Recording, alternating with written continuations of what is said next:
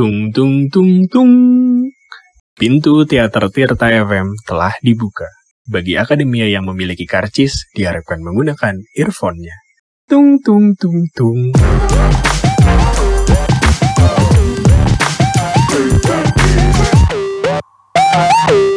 Show me the movie.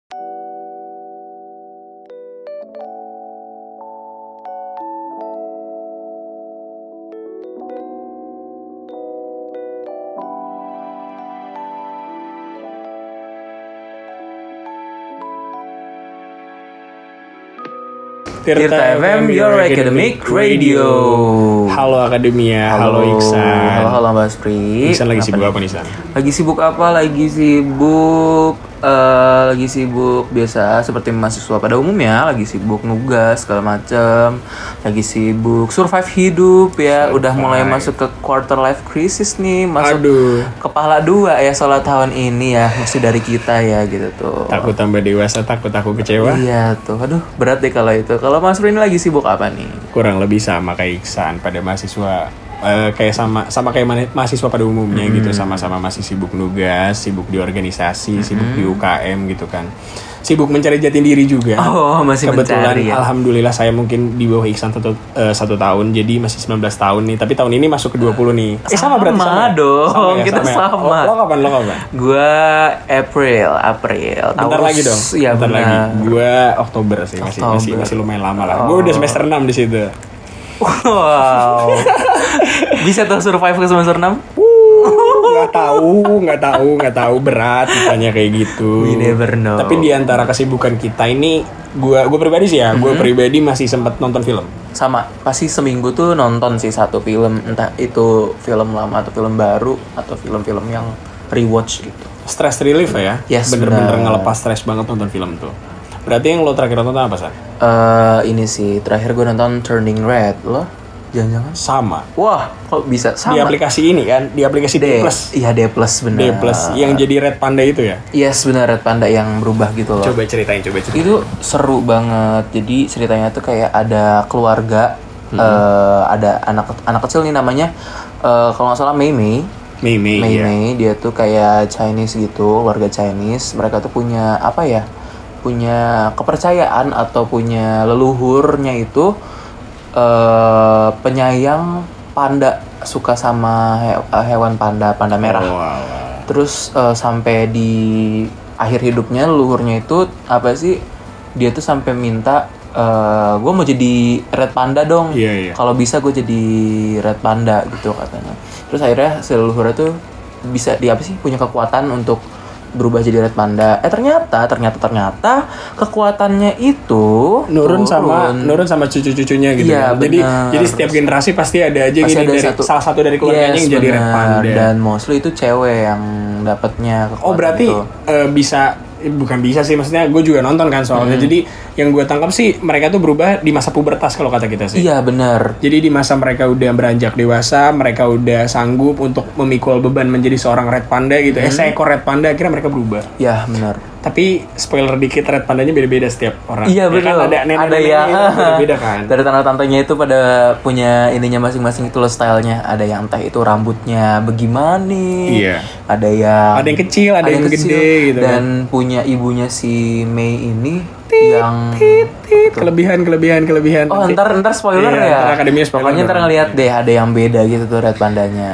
Eh, ini bisa dibilang termasuk new entry film yang baru aja tayang karena baru tayang 21 Februari 2022. Yes bener banget. Sekarang Maret ya baru Maret. Jadi Maret, ya baru wajar lah itu fresh emang lah. fresh masih fresh. Eh, rekomendasi juga dari kita berdua karena menurut gue pribadi filmnya meaningful banget san. Hmm. Iya bener. Meaningful banget. Yang gue selalu perhatiin adalah poin meaningfulnya di mana ya lo ngajarin soal kekeluargaan di situ. Hmm. Eh, lo peduli sama diri lo sendiri, lo bisa ngambil keputusan, lo menjadi seorang perempuan yang mandiri, perempuan yang tegas Hmm. gitu. Kalau lo apa ngeliat poin apanya? Eh, kalau gua eh, lebih ke ngambil sudut pandang lain dari cerita itu sih. Apa tuh? Eh, itu tuh entah ini mungkin bisa masuk ke fakta unik sih. Boleh, boleh, Jadi eh, yang gua pernah baca juga, jadi sebenarnya film ini nih ngisahin tentang kehidupan kita as a teenager yang berubah ke dewasa masa Oke. pubertas Oh berarti si eh, Red Panda ini emang cuman analogi aja. analogi ya benar Analogi, banget oke, jadi kayak eh, kita kan eh, dalam masa perubahan dari remaja ke dewasa tuh pasti eh, emosinya memuncak Iya, benar, sensitif benar, benar. dan semua tuh dituangin di si film ini si Mei itu diliatin ya bener-bener dan baru sempat di, baru naka baru naka. sempat diseng sempat disenggol tuh ada cerita awal si dikiranya tuh pas si Mei berubah ini jadi red panda ibunya tuh ngira dia tuh PMS Oh, jadi siklus- siklus menstruasi Nah, aja gitu ya? nah itu sempat disenggol jadi eh, yang gue baca tuh itu sama satu lagi nih ada fakta juga yang gue baru ingat Eh, ini pertama kalinya film dari Disney yang apa sih yang niat banget soalnya mereka tuh ngebikin kayak ada boy band di dalam filmnya Oh iya gue tahu yang boy band for for for apa for- tapi lima. Iya, bener banget itu. Iya, tahu, tahu Nah, di situ juga ada ada fakta lagi tuh. Gua- Apa tuh? Gara-gara lo ngomong empat, di situ diomongin. Di situ mungkin pengetahuan ya buat gue juga ternyata angka empat dalam culture Chinese itu angka sial katanya. Oh maka dari itu maka dari itu kenapa empat namanya tapi eh, personilnya lima mungkin Yes, itu. bener itu. Wow, banyak banget Easter egg berarti ya? Easter egg-nya. Banyak banget Easter egg. Tapi overall menurut gue dari segi animasi bagus banget. Kita udah ngelihat beberapa film yang baru aja tayang itu kan film-film animasi mulai dari Sing, Sing 2, 2, Sing 2, Encanto. Encanto, Raya the Last Dragon, Yes. eh, Ron, Luca, Ron, Ron Gone Strong. Strong, Luka dan emang animasi-animasi sekarang udah mulai Udah makin mulai- nyata, udah makin colorful banget, enak dilihat. Pokoknya meme-nya lucu banget. Terus juga kebetulan ada yang orang Namanya India, juga namanya kebetulan sama kayak Pria. gue, namanya Pria. Terus ada cewek satu yang Korea itu lucu banget. Iya bener. Itu satu tuh ada cowok. eh, cowok yang apa? Yang ngejaga Mart ya? Iya, cowok yang jaga mar, terus ada cowok yang main basket, sampai ada apa namanya si cewek yang salah satu gengnya juga gitu. Mm, ada satu lagi. Unity in Diversity. Iya bener-bener emang di situ ditampilin semua kalangan. Even ada yang hijaban juga di situ Oh ada, ada iya iya pernah ada scene pernah ada scene ada pas scene itu yang lewat iya. hijab. Kalau dilihat di Google 84% menyukai film ini. Jadi Ah, worth it sih. worth it sih mungkin beberapa orang ada yang emang nge-rate film ini bagus kalau dari gue pribadi ya mulai dari cerita eh, animasi sampai plotnya atau mungkin konsepnya bagus 8,5 kenapa enggak 9 atau enggak kenapa enggak 10 karena menurut gue klise Kli- klise eh, aja ya, soal agak internal agak internal stop. keluarga itu Iya sih, klise aja kalau lo gimana sih Kalau gua ngasih 8 8 88 8 8 biasa, 8 biasa. Oh, 8 biasa. 8 dari 10 sih. Karena kurang lebih sama Karena kurang lebih sama terus klimaksnya gue kurang dapet kalau di gua ya. Oh, iya. Cuman karena kebantu sama visualisasinya yang emang enak dan enak banget ada bagus sih kalau itu lagu tambahan yang dari boyband yang tadi gue sebutin itu Four Town kalau nggak salah Four namanya Towns oke. itu sih kalau film yang baru aja rilis nih baru aja rilis. Itu termasuk tuh satu eh, Yang tadi tadi satu masuk ya, ke new, masuk eh, ya. masuk ke new entry itu itu masuk ke apa namanya film yang baru-baru aja rilis.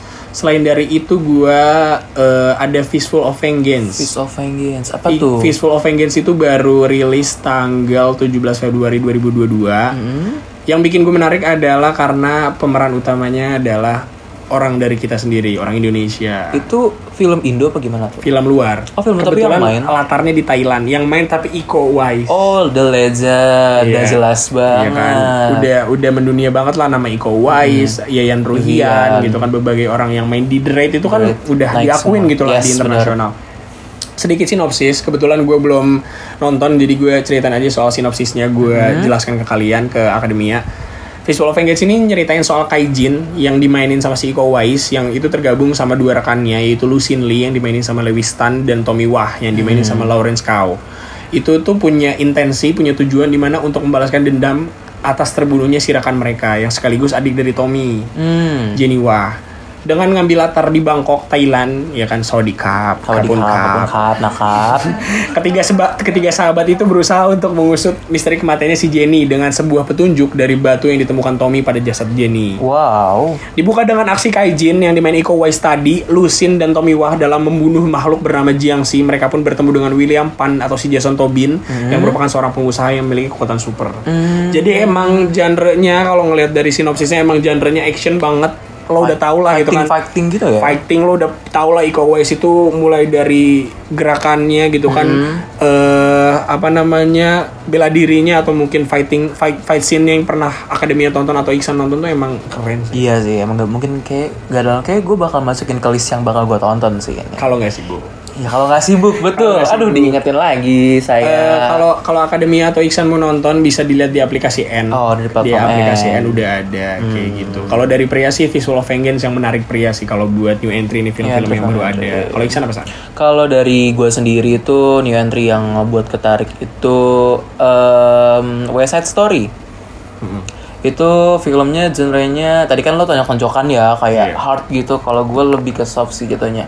Eh, genrenya tuh musikal sama romance. Nyanyi berarti ya? Eh, iya ada nyanyian-nyanyian. Kayak A Greatest Showman. Yes, 11 12 Iya, yeah, 11, Man. Eh, sebetulnya dari konsep ceritanya sih lumayan klise ya. Kayak dari perbe apa sih?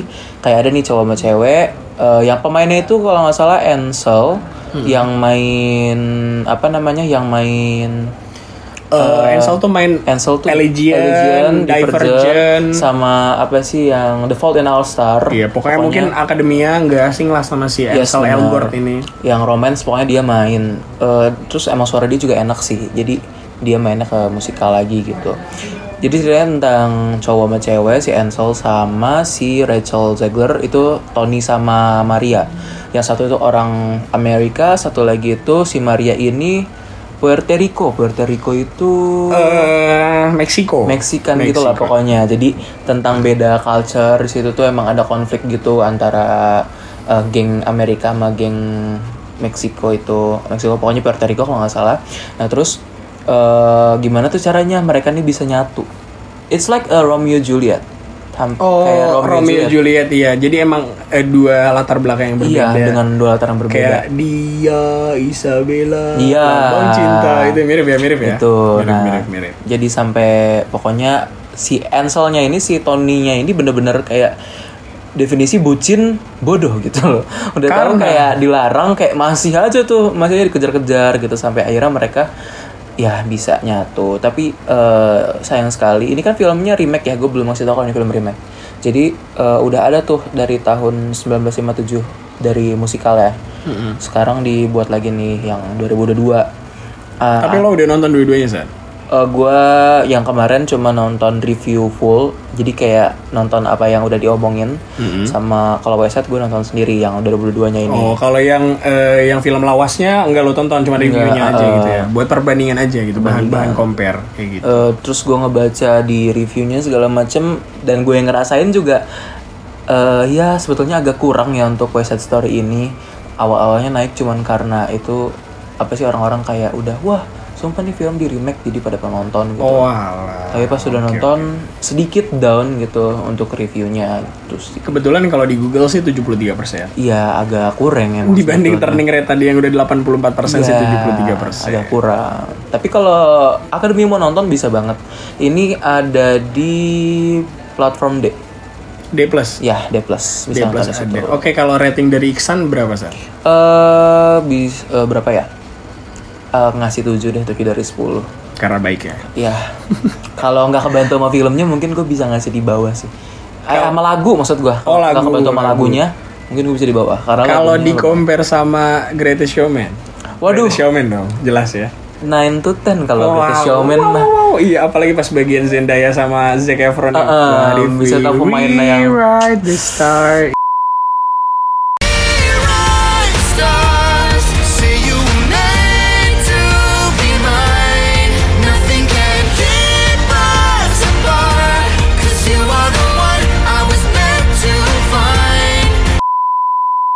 Itu yang keren sih. muter-muter keikat tuh. Itu Zendaya untung gak keselip sih. Iya. Kalau kalau keselip jatuh parah sih. serem ya. Parah sih, parah sih. Jauh sih kalau udah gitu showman. Release date-nya berapa, San? Release date-nya itu eh, masih termasuk baru ya kalau film ya ini hitungannya 8 Desember 2021. Oh, masih masih tahun lalu, tapi tapi masih masih hitungannya masih fresh. Iya sih. masih fresh.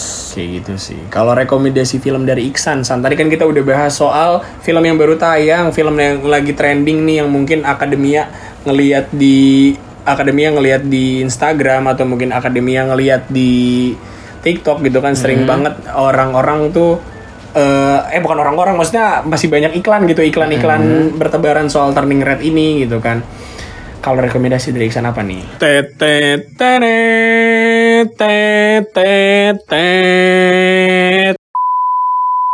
Rekomendasi dari gua itu mungkin Nggak harus nggak harus 2022 Nggak harus kali ya, San, 2022 ya. Terserah tinggal eh apa ya? Gue lagi ini sih sebetulnya lagi nonton lagi nonton drama apa? drama Thailand. Oke. Eh luma itu film apa ibaratnya kayak bukan remake sih, kayak semacam remake dari daerah eh, bukan daerah negara lain. Judulnya itu Efor Effort. Boys Before Flower. Jadi itu awalnya dari manga. Oh, dari manga Jepang. Ih, beda dong, Oh, beda. Bapak itu. Beda-beda, lanjut. Itu dari manga Jepang terus ke Korea, ke Cina sampai sekarang dibuat remake-nya di Thailand. Sukses tapi. Sukses karena pemainnya kebetulan emang mancing cewek-cewek ya. Ada tuh namanya Bright Fachirawit sama Win Metawin itu apa sih kayak cewek-cewek pada demen tuh sama mereka. Itu filmnya dramanya seru sih. Eh, apa ya kayak mostly orang-orang sebetulnya kayak ngeremehin gitu loh. Thailand tuh apa sih paling film komedi doang? Enggak. Tapi rekomendasi film gue juga kayaknya Thailand nih kalau bahas Thailand, gue Thailand juga sih. Apa tuh? Gue suka eh, Bad Genius suka. Bad Gen- Oh, yang nyontek-nyontek itu. Itu ya? keren banget. Mungkin akademinya sempat pernah ngeliat di FYP TikTok gitu kan Ah. atau enggak ngeliat di Instagram. Jadi ada satu orang pinter itu diperankan sama Cutimon Cutimon Cueng Charo dimainin sama itu tadi. Dia berperan sebagai si Lin di film ini. Lin itu orang yang pengen kuliah di luar negeri kalau salah. Oh. pengen kuliah di luar negeri karena ini udah film lama. Gue juga udah nonton lumayan lama jadi gue cerita mungkin sedikit aja soal si film ini. Eh, dia orang pinter nyari uang gitu kan tapi kebetulan dia hebat dalam bermain piano. Jadi dia bermain piano terus eh, ada yang nyaranin kalau gimana kalau lo buka joki aja? Bukan joki sih lebih tepatnya kayak gimana kalau lo bantuin kita pas ujian? Oh. awalnya satu dua orang tapi lama-lama semua sekolah akhirnya ke dia.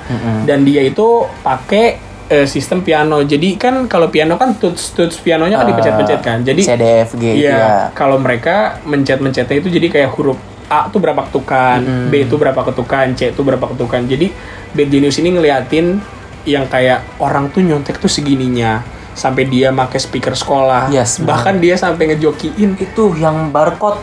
Oh iya barcode di Barcode. spoiler. Spoiler, kalau dikit-dikit, dong. Ya pokoknya dia sampai bantuin untuk eh, SBMPTN kalau kalau bener. er- Sebutnya sebut- SBM ya sebutnya kalau di Indonesia ya. SBM buat di luar negeri gitu sih. Kalau di Google 94% orang suka sama film ini. Of course, gua juga kebetulan suka. Kebetulan gue juga 9 dari 10. Udah ada seriesnya tapi gue belum nonton seriesnya.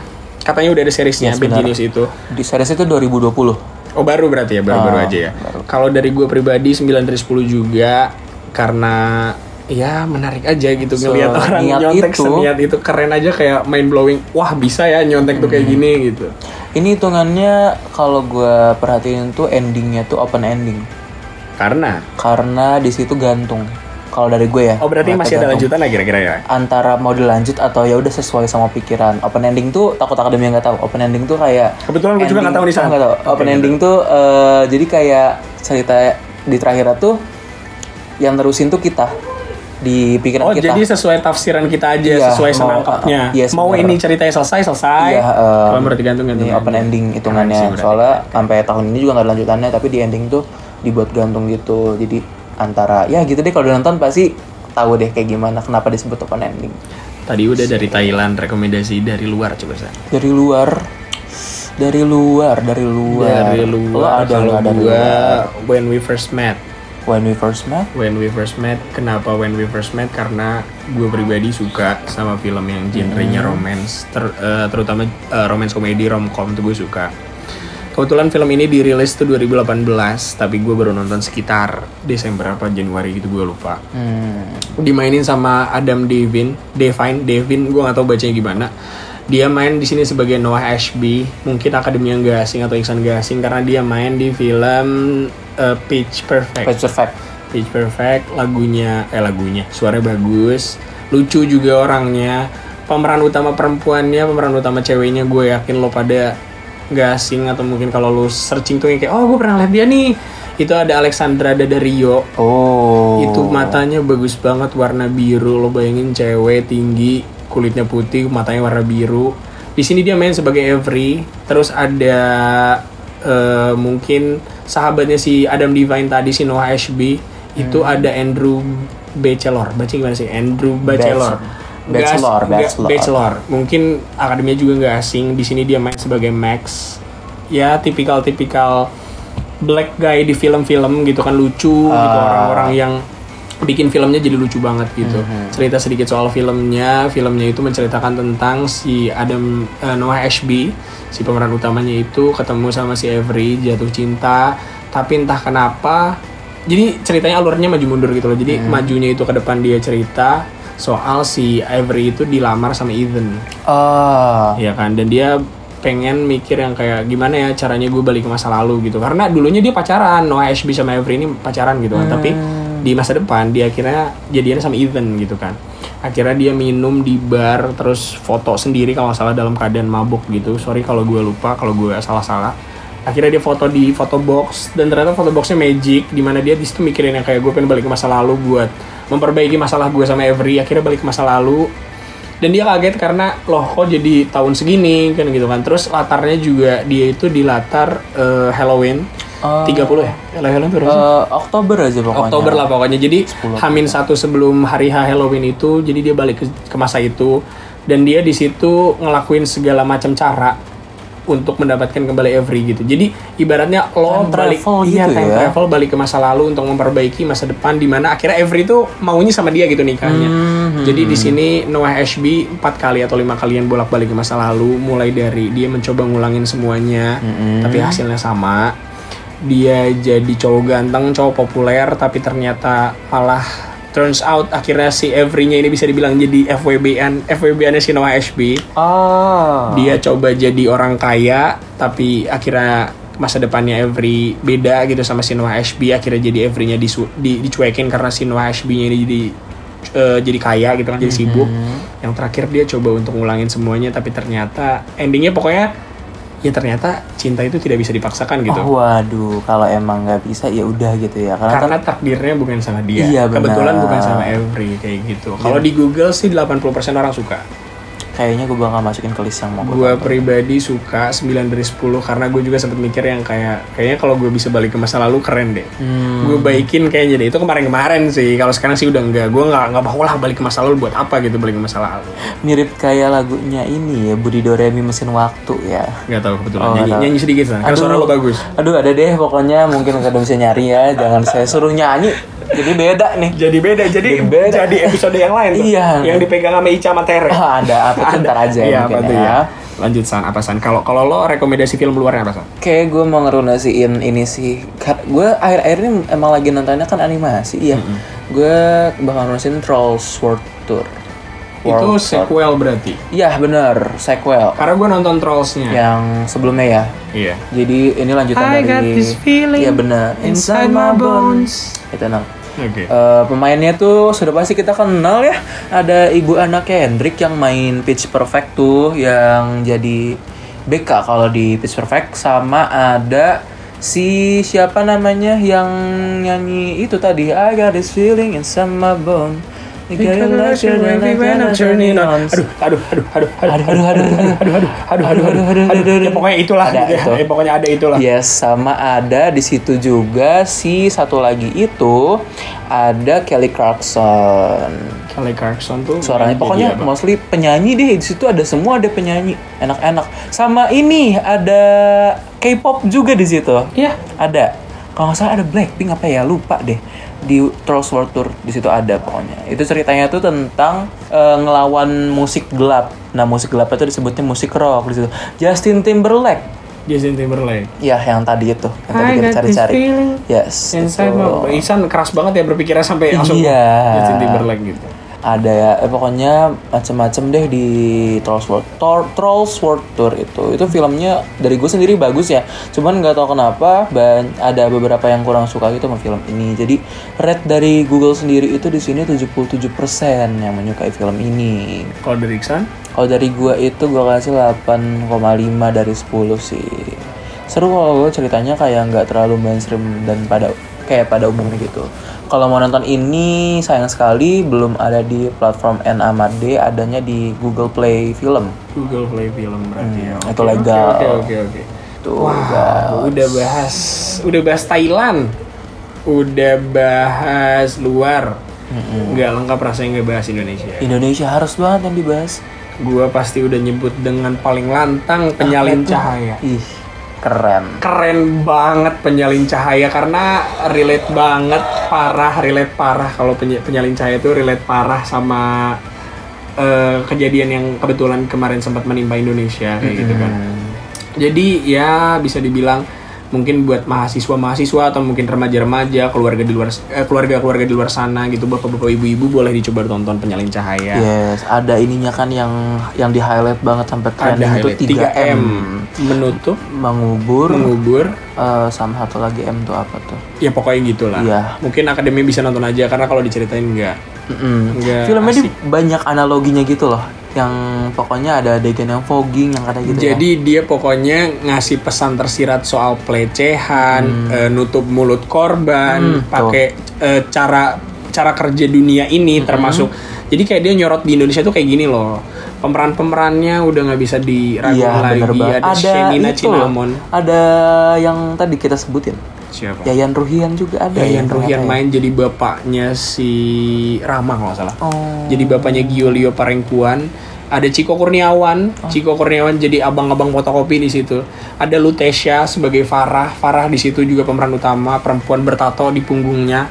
Ada Jeremy Kurnia, Jeremy Kurnia jadi Torik. Tadi Giolio Gio, Giolio Parengkuan itu jadi Rama, terus ada dia Panendra, Lukman Sardi, Hmm, Yayan legend Ruhian, banget tuh. Mian Tiara, bagus banget sih. Dari lo berapa tuh rate-nya kira-kira? Dari gua dari Google dulu, dari Google, 90%. Wow. 90%. Dari gue 10 dari 10. 10 10 karena emang se Amaze banget itu banget apalagi ya. endingnya karena gue tadi udah belajar bahasa baru dari Iksan open ending open ending menurut Ini gue. open ending juga open ya? ending juga jadi Iya. tinggal orang menafsirkan sendiri endingnya seperti apa gitu kan oh jadi cara bersuara tuh seperti ini loh gitu Hmm.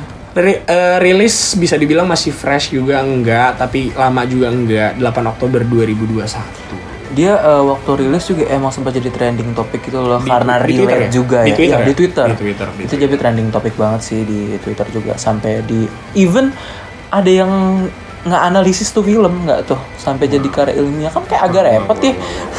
Keren sih orang-orang Indo mahasiswa keren mahasiswa sih. gitu. terakhir deh Iksan terakhir film Indonesia apa sih Indonesia ya, eh, gua gua gua sebelumnya bukan tidak cinta Indonesia gitu loh. Tapi Wah, tidak nasionalis akademia. gue kalau nonton film Indo kudu yang emang literally gue mau gitu loh bukan yang lagi rame tuh ayo nonton gitu gue nggak bisa gitu gitu tuh nah ini karena gue mau sendiri karena gue udah baca novelnya itu gue udah nonton GSNN Karena yang main Hanggini. betul Karena yang main Hanggini. Karena juga dia manis karena Bapak. dia lucu sekali. dia manis dan lucu karena dia main lucu banget. iya terus karena ini juga dari novelnya si Paus Paus si tuh Rintik Sendu ya? Rintik Sendu jadi Hai, Hai gitu aku kan. Rintik Sendu. mungkin sering denger ya di, di ini ya di Iya. platform Spotify ini ya itu sih gue bakal ngerasain Selain ada selain ada GH nih, selain ada JH nih si Hanggini ada siapa lagi San di main di sini San? ada Junior Robert untuk cowoknya yang jadi Jisnya jadi itu kakaknya eh, apa sih abang-abangan cina Abang-abangan. jadi ngedeketin si Anne si Jis ini Anak band. yes betul Band. terus ada siapa lagi ada Farhan Rashid di Kebetulan sini. ada pemain penyalin cahaya juga, Shenina sini. ya, jadi sahabatnya si Hanggini kalau nggak salah. Ada sempet bintang Emon juga masuk kalau nggak salah Bintang di Jis Emon sempat masuk. Eh, cuman sayang sekali ya setelah film ini tayang beberapa artisnya oh, ini fakta apa gibah nih jatuhnya ya Sutup. iya jadi eh, artisnya tuh sedikit problematik Iya. ada masalah yang nggak apa-apa lah Itu. cukup aja lah cukup bukan porsi Iya, kita bukan kita, porsi kita, kita sih. tidak gosip kita ngebahas filmnya doang iya jadi di Google sih 68 persen disukain sama orang-orang Iksan berapa ini gantung kalau bukan open ending emang harus Oh, ada ya? lanjutannya Emang harus ada lanjutannya ya? Iya, iya. ini gue kasih 7 7,5 per 10 deh karena karena ada Hanggini harusnya 10 nggak sih Kalau Hanggininya gue bisa oh, isi 11 per 10 Kalau ada yang gini gue 100 per 10 Dia ceritanya sebetulnya emang agak klise ya emang belum eh, mungkin filmnya emang buat film remaja yang ya udah gitu tuh. LDR Iya betul terus lebih eh, milih yang lebih milih yang jauh di sana tapi sayang tapi iya. apa yang deket selalu ada Nah, jangan dia coba-coba LDR deh kalau gitu ya. iya Kayaknya repot tuh. Tuh dari gue udah sih di sana. dari gue juga udah sih oke berarti episode kali ini udah nih Sa. Udah nih lengkap ya. jangan lupa buat follow instagramnya Tirta FM ada di tirta.fm at tirta.fm Hmm, ada di Twitter juga @tirta_fm. YouTube ada 107.9 Tirta FM Ada juga di line-nya @kch7679i. di Spotify yang lagi lo dengerin yang lagi akademi dengerin boleh di follow ini bisa didengar kapan aja Bisa di offline dong Spotify. Bisa di offline-in. Ada banyak tuh episode pilih deh pilih. boleh dengerin episode yang lain juga mungkin kalau lagi butuh rekomendasi film bisa show me the movie boleh Yes, ditonton kalau buat yang lain bisa, Bisa- nonton yang lain bisa juga yang lain kayak juga. gitu jadi gua sama Iksan pamit undur diri kalau mau kenal lebih jauh anjing kenal lebih jauh sih Eh, jadinya serius ya kalau lebih serius. jauh. jangan deh jangan kenal lebih jauh ya saya udah punya eh udah Oh punya gitu, sekarang udah punya. Ah, Iya. udah pecah telur ya. Enggak, jangan gitu San. Boleh follow Instagramnya Pria ada @pri eh @pri.tiap. Ya, eh, @pri.tiap. Iya oke, dia boleh juga untuk cek Instagram gue di @iksansp underscore. Gue dan Iksan pamit. See you on the next episode. Dadah Akademia. Bye bye, adios.